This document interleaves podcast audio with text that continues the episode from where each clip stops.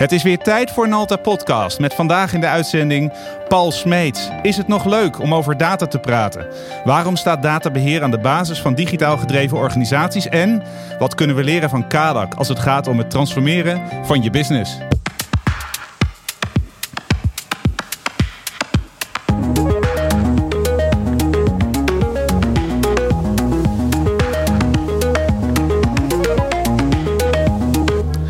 Dit is Nalta Podcast, aflevering 36, opgenomen op vrijdag 24 juli 2020. Enabling Digital.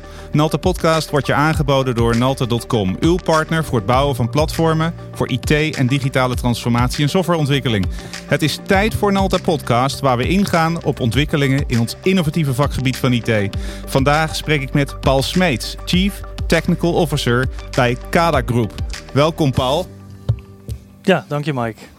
Wat tof dat je bij ons in de uitzending zit. Echt helemaal eindelijk. cool. We hebben het er lang over gehad en eindelijk is het zover. Ja, volgens mij anderhalf jaar geleden of zo. Toen hadden we het er al over. Ja, ja, ja, ja, ja. Nou, deze vrijdagmiddag had ik niks beters te doen. Dus, uh...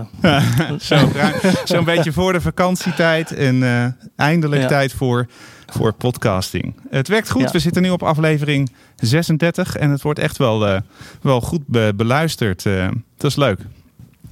En Ja. Voor de luisteraars, wie is Paul? Eh, Paul is een eh, eh, 53-jarige eh, man, woonachtig in een dorpje tussen Schinnen en Geleen. Op 100 meter boven NAP, daar heb ik net een nieuw huis gebouwd. Oh, cool. Twee kinderen, twee jongens die het huis uit zijn. Ehm, en ik ben al sinds 25 jaar verbonden aan de kadergroep in verschillende rollen.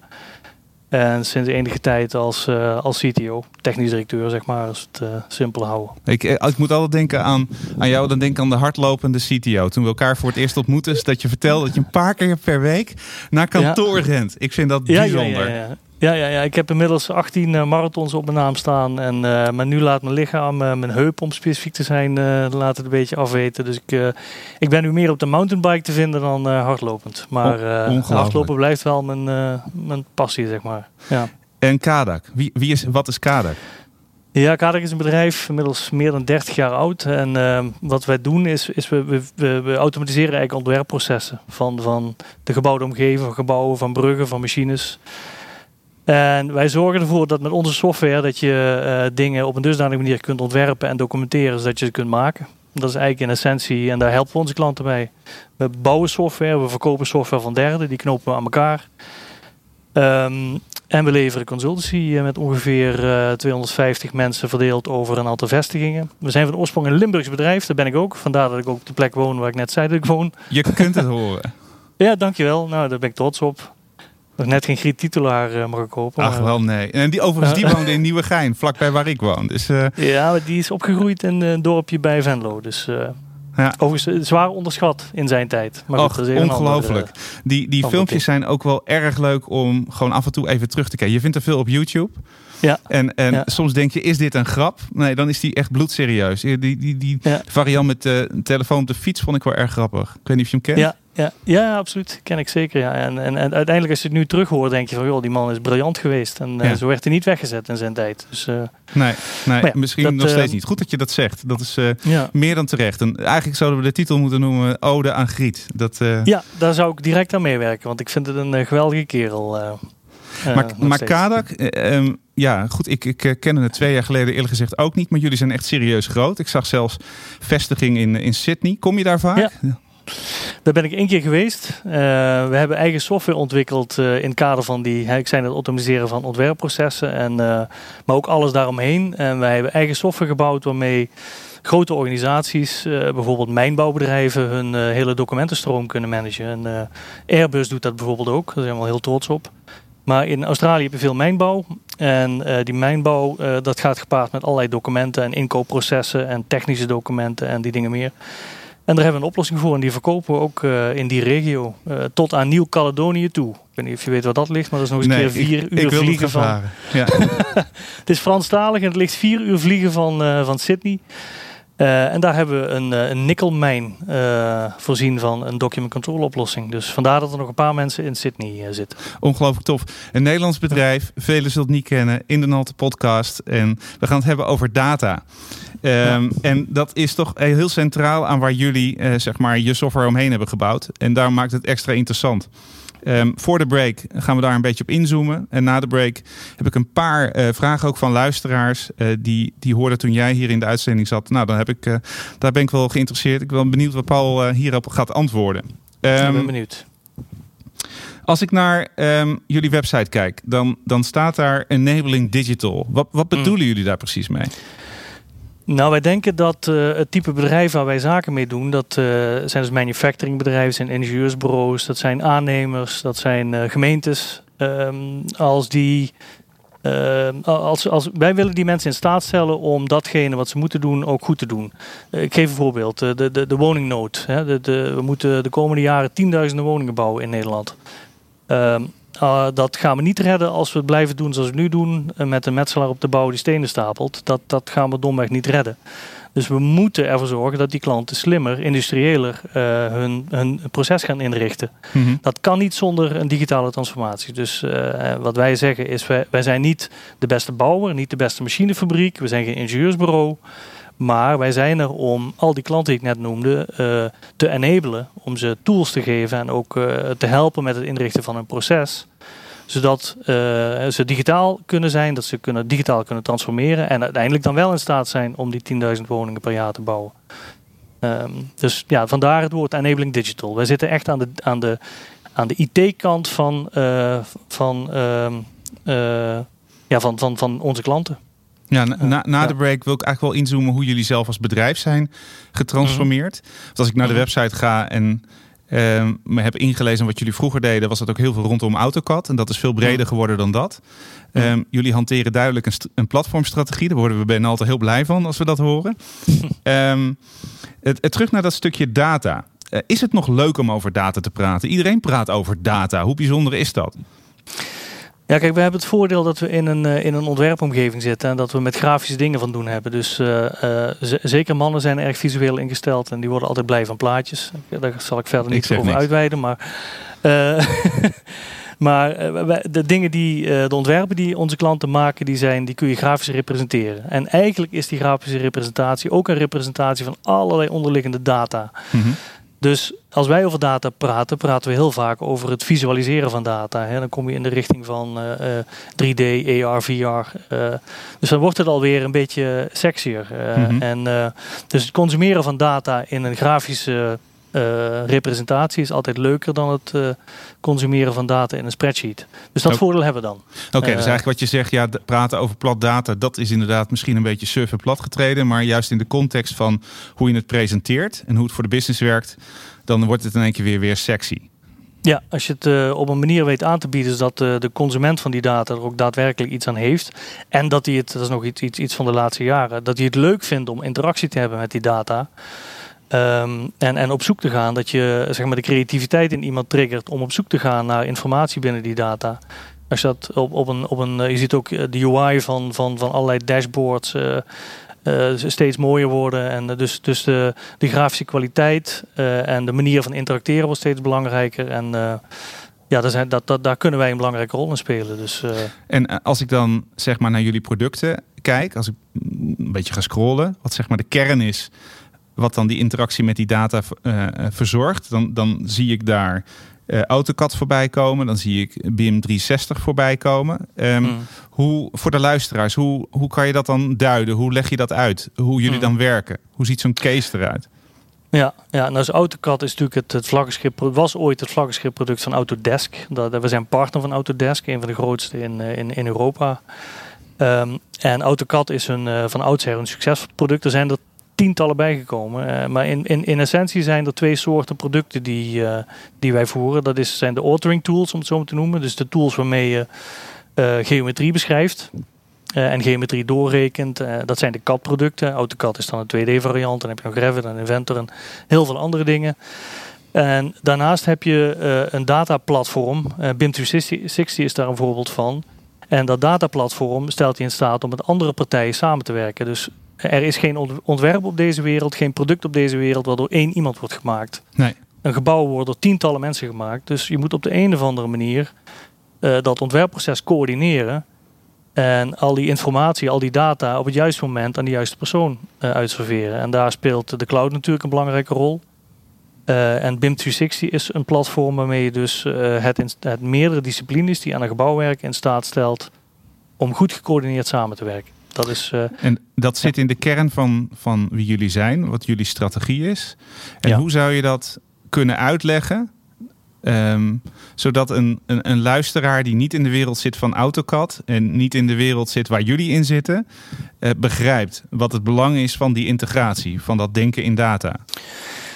Um, uh, nou, je, uh, god, dat is een lastige vraag zeg, omdat uh, je een Janneke uit te leggen. Daar moet ik even over denken. Maar nou, je bent niet voor niks gast bij ons, hè? Dat... Nee, nee, nee, nee, nee. Jij kijk, kan dat. Ik, ik denk dat ehm, ehm, als je kijkt naar een gebouw, als, als je een gebouw gaat neerzetten, dan is het beschrijven van de geometrie, van hoe ziet dat ding eruit, wat een typisch een architect doet. Dat is niet genoeg. uiteindelijk moeten er spullen besteld worden, er moet een prijs aangehangen worden. Er moet een planning uh, komen, er moeten risico's, er moeten bouwfouten eventueel geconstateerd en opgelost worden. Dus er moeten heel veel dingen in dat proces gebeuren met heel veel verschillende tools. en om ervoor te zorgen dat toch uiteindelijk dat gebouw er komt, volgens de afgesproken prijs, ehm, volgens de afgesproken tijd, in de afgesproken kwaliteit, dan heb je behoefte om data uit verschillende systemen samen te laten komen. Mhm. En in context, hè, eh, even tijd, maar in context te zien. Dus als ik wil zien of de voordeur op tijd klaar is en welke kleur die moet worden, dan, en ik zou klikken op die voordeur en ik zou dat allemaal willen zien, dan zit die informatie niet in één systeem. Die zit in misschien wel vijf verschillende systemen. Maar je wil hem wel binnen die context tonen. Want binnen die context uh, is het handig om, om uh, en, en iedereen, als je aan iedereen vraagt waar zit die voordeur, dan kun je wel op een lijstje op zoek gaan naar het woord voordeur. Of je gaat naar die tekening toe en je wijst die voordeur aan. Mhm. Snap je? Dus en als je in die context wil je die informatie zien.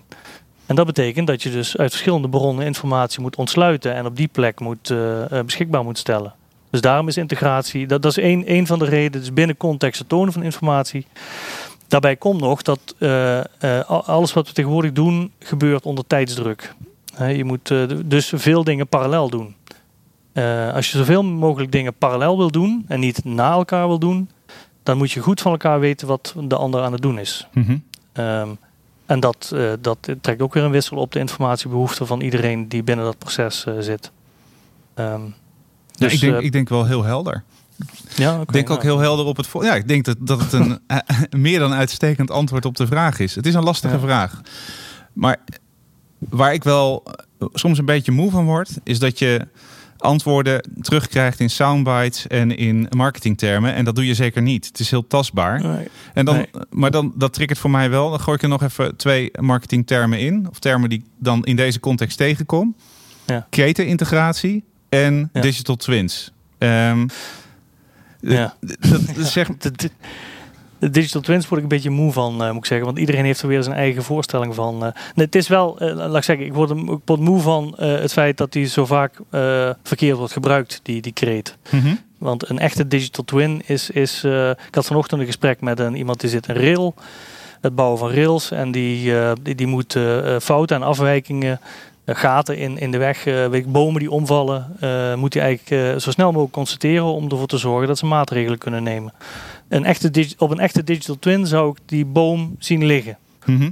Anders kan ik niet acteren. Nou, er is geen enkele digital twin waar je die boom ziet liggen. Dus het representeren, het real-time representeren van de werkelijkheid, wat eigenlijk een digital twin zou moeten zijn, is veel ingewikkelder dan uh, veel mensen op dit moment denken. Mhm. Tenminste, dat, en daarom wordt die term veel te makkelijk gebruikt is mijn uh, mening. Dat, uh, maar goed, dat, uh, het maakt het niet minder waar dat als we een echte digital twin, near real-time digital twin hebben, dat we daarmee verschrikkelijk veel problemen kunnen oplossen. Daar ben ik het roerend mee eens. Maar de weg naar naartoe is nog lang. Ja, en, en die wereld die je, die je schetst van al die partijen die de data consumeren en data aanleveren. En dat in het licht van ketenintegratie. Heb je daar, wat is daar jouw beeld en visie bij?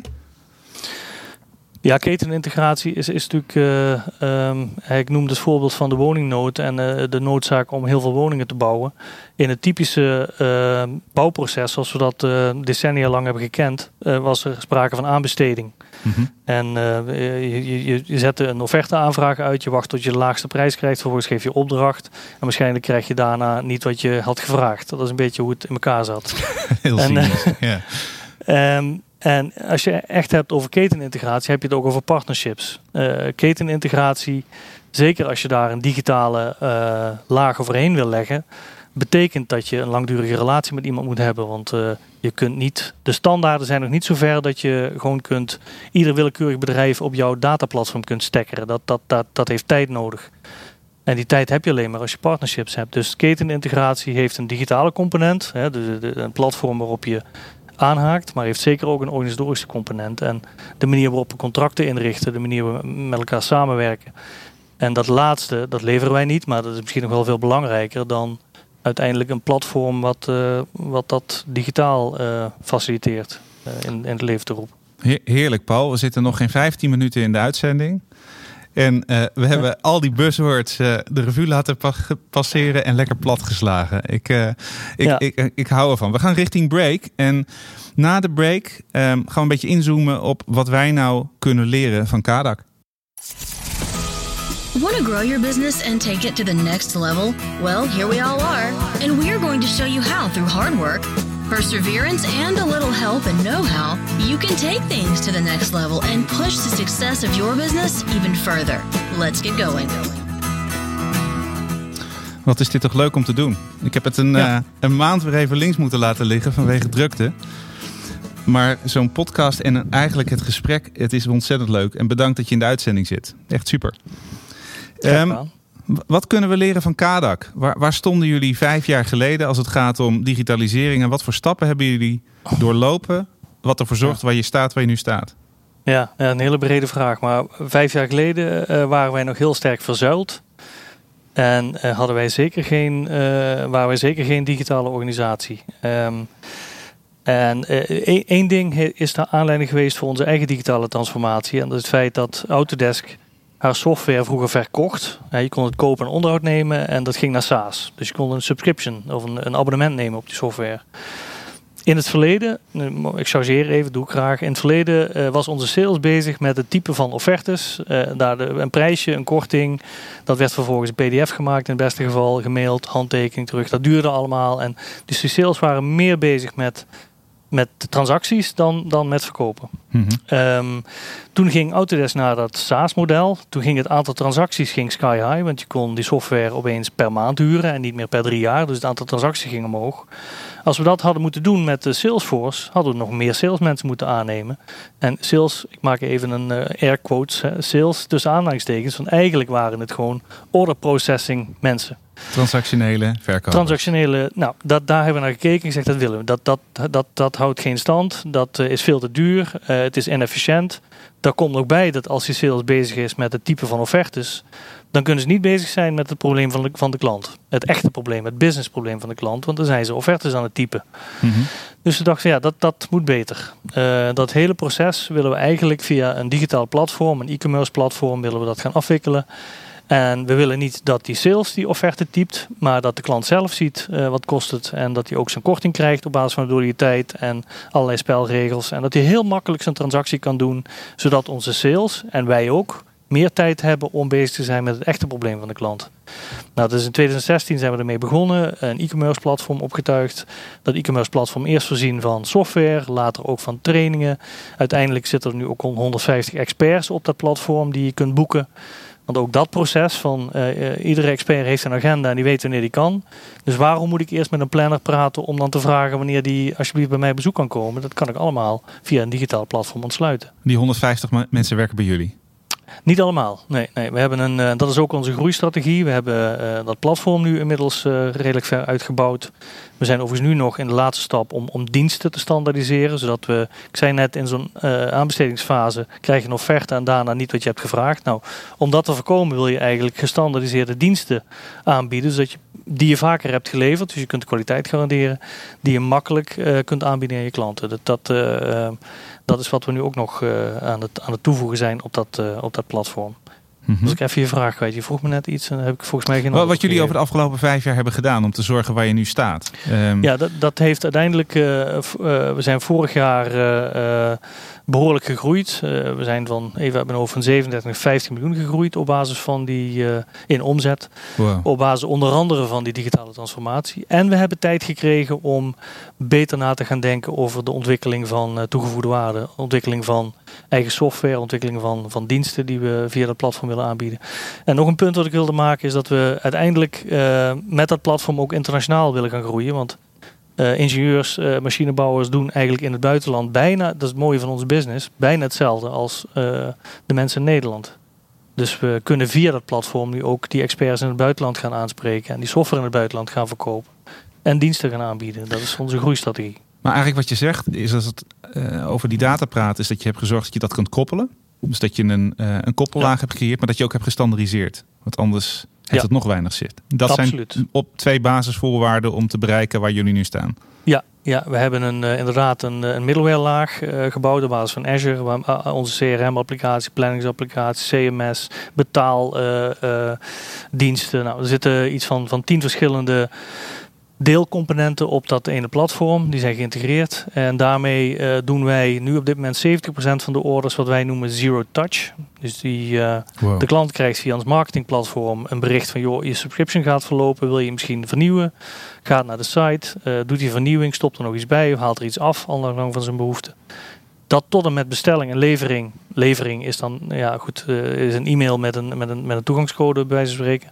Mm -hmm. Dat hele proces is, is voor 70% van dat soort transacties zero touch. En dat, is, dat zijn licenties, maar ook diensten. Dus uh, uh, de engineer of de, de, de consultant die je op die manier kan boeken.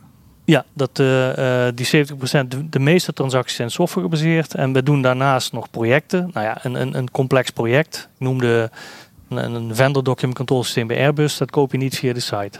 Dat, nee? Uh, nee, dat nog niet. Helaas, dat, zou, dat is wel een droom van me dat dat ook gaat. Maar dat gaat nog niet. Uh, uh, dus, dus we doen projecten en in die projecten leren we dingen. En als we vaker hetzelfde trucje hebben gedaan, dan maken we dat tot een standaard. Dat zei je al. En die standaard kunnen we dan uh, repeterend verkopen. En we kunnen ook mensen trainen zodat ze die dienst kunnen leveren. Dat is een beetje het, uh, het, het principe van die schaalbaarheid. Oké, en dat, dat klinkt fantastisch en dat is fantastisch. Um, maar ik, geloof nooit dat alles roze geur en maneschijn is. Um, nee. Wat zijn nou dingen die echt tegen zaten? Zo, um, ja. Roadblocks, waar, ja, ja. waar de luisteraar zeg maar ook weer wat van kan leren of inspiratie uit kan halen hoe die het kan oplossen. Ja, nou die, die, die, die standaardisatie is een helft job. Uh, want dat, uh, je, werd, je, je, was nooit zo, uh, er, er, was nooit zo'n, laten we zeggen, noodzaak om te standaardiseren. Die is er nu wel. En standaardiseren is verrekte moeilijk. Dan, de, de, wat ik heb geleerd is, die, die transformatie van die salesmensen was heel erg lastig. En ik heb erin geleerd dat als je iets automatiseert, moet je het helemaal doen. Mm -hmm. Als je voor 80% iets automatiseert, gaan mensen van 20% hun beroep maken. dus, Gouden tip. Ja, dus, dus als je iets doet, doe het dan gewoon de full Monty, end-to-end. -end. Ga niet halverwege als je al veel te veel geld hebt uitgegeven. Dat hebben wij ook gedaan. Of in ieder geval die perceptie hebt. Stop dan niet, want dan gooi je 80% weg. Ga voor die 100%. Want dan pas gaat het werken. Oké. Okay. Ja. Ik, uh, uh, uh, super interessant. Um, ik denk dat we eens uh, naar wat uh, vragen moeten gaan kijken die ik heb ontvangen. En, en, dan is het de eerste keer dat ik, misschien ook gelijk de laatste keer dat ik deze jingle ga gebruiken. Maar ik start hem even ja. in, dat is helemaal formeel. This week's questions. Zo, dat is, okay, die kwam nou, er even doorheen. Ja, de eerste vraag is van Arjan de Jong van AWL Techniek uit Harderwijk. Ik weet niet of je die club kent. Ja. Um, ja. Maar zij bouwen machines um, uh, voor onder andere in de automotive. Lasmachines, ja. Ja, en uh, uh, een van de vragen die hij heeft is rondom het thema Master Data Management. en eigenlijk zijn vraag is, hoe krijg je dat goed georganiseerd? Om, en dan zegt hij letterlijk, dit is een businessproces wat vaak als ballast wordt gezien en voor een gemiddelde medewerker niet de nut en de noodzaak wordt ingezien. Wat en hoe doet Kadak om de business te helpen dit proces goed geborgd te krijgen? Uh, weer een moeilijke vraag, joh. Um, ja, nou ja, de, ik, ik ben niet te schuldig in deze. Dat is het mooie. Ja, ja, ja master data management. Um, Uh, dat, dat heeft allerlei, uh, er zit, zitten allerlei aspecten aan die vraag. Ik, de, ik, denk allereerst dat je ervoor moet zorgen dat je uh, de, de, de business entiteiten, de dingen die je doet, de data waar je, waar je het over hebt, dat je een besluit moet nemen, wat doe ik nou waar? Mm -hmm. Wie doet wat? Wie muteert welke data en waarin doen ze dat? En dat je zorgt dat je uh, in ieder geval het, de single source of truth, of, of uh, hoe je het ook noemen wil, dat principe bo borgt en zegt van joh, als ik ergens de klantgegevens edit, dan doe ik dat in CRM en niet op twee plekken. Dus dat, dat is al één, dat je dat zeker weet.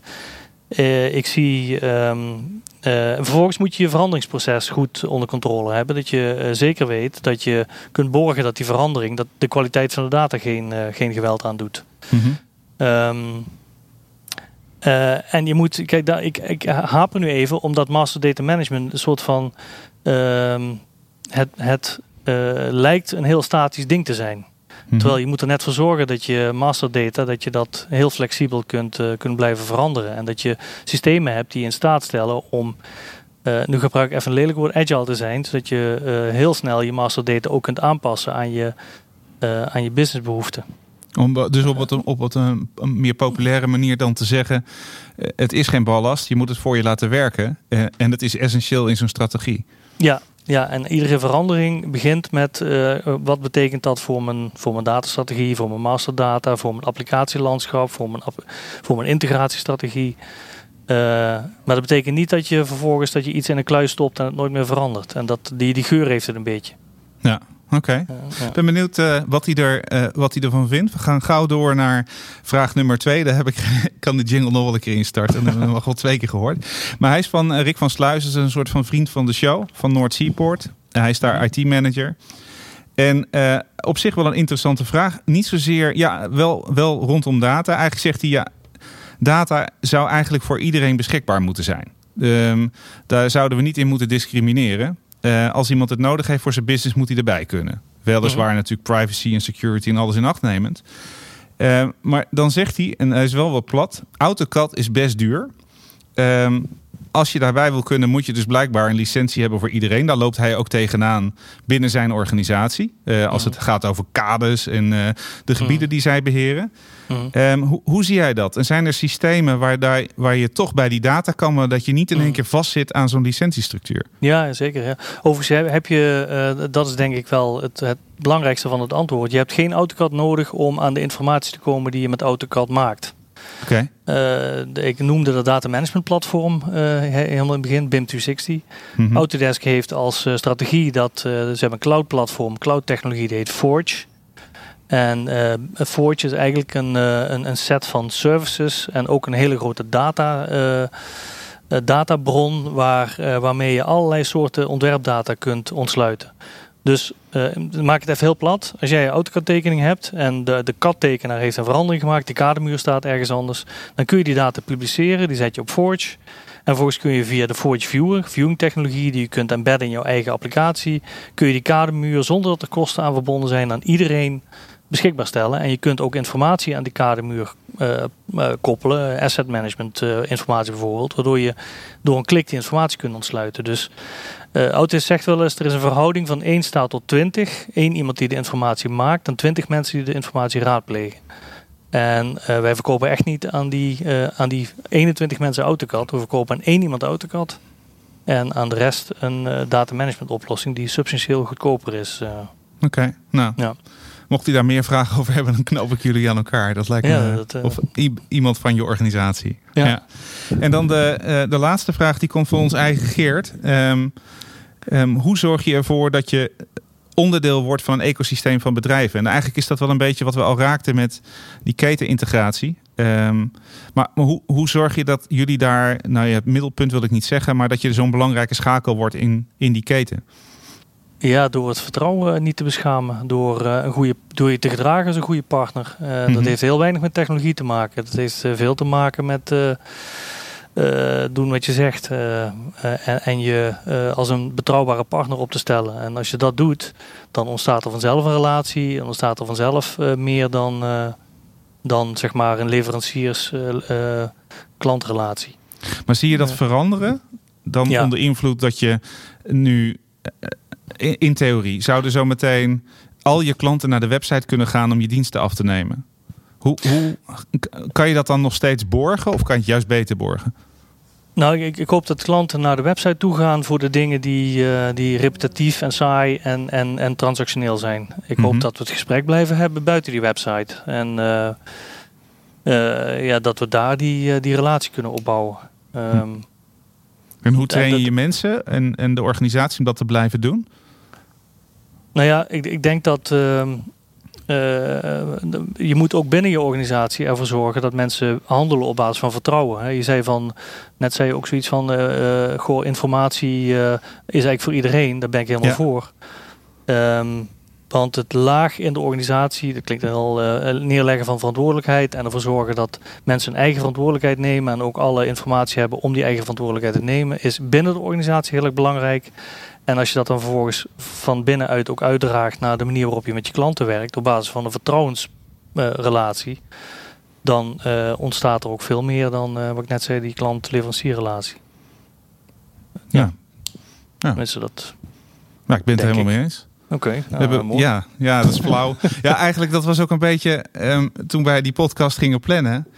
ehm, dat we redelijk op één lijn zitten als het gaat om wat is nou de rol van data en hoe kan je het voor je organisatie inzetten. Maar wat het zo interessant maakt is dat jullie eh, branche zo anders is en dat je daardoor je perspectief dan soms toch net even op een andere manier werkt. Ja. Eh, maar in de basis, ja, denk ik dat wij bij Nalta ehm, juist dat op een goede manier omgaan met data en bedrijven en partners enabelen met eh data-integratie, onder andere en softwareontwikkeling, Ja. juist zorgt dat je jezelf toekomstbestendig maakt. Ja, Ja. zo is Ja. het. Ja, het is jammer dat we het eens zijn. Ik ben het ook graag oneens namelijk. eh, ja, nou, dat kunnen we wel doen we dan in de volgende podcast.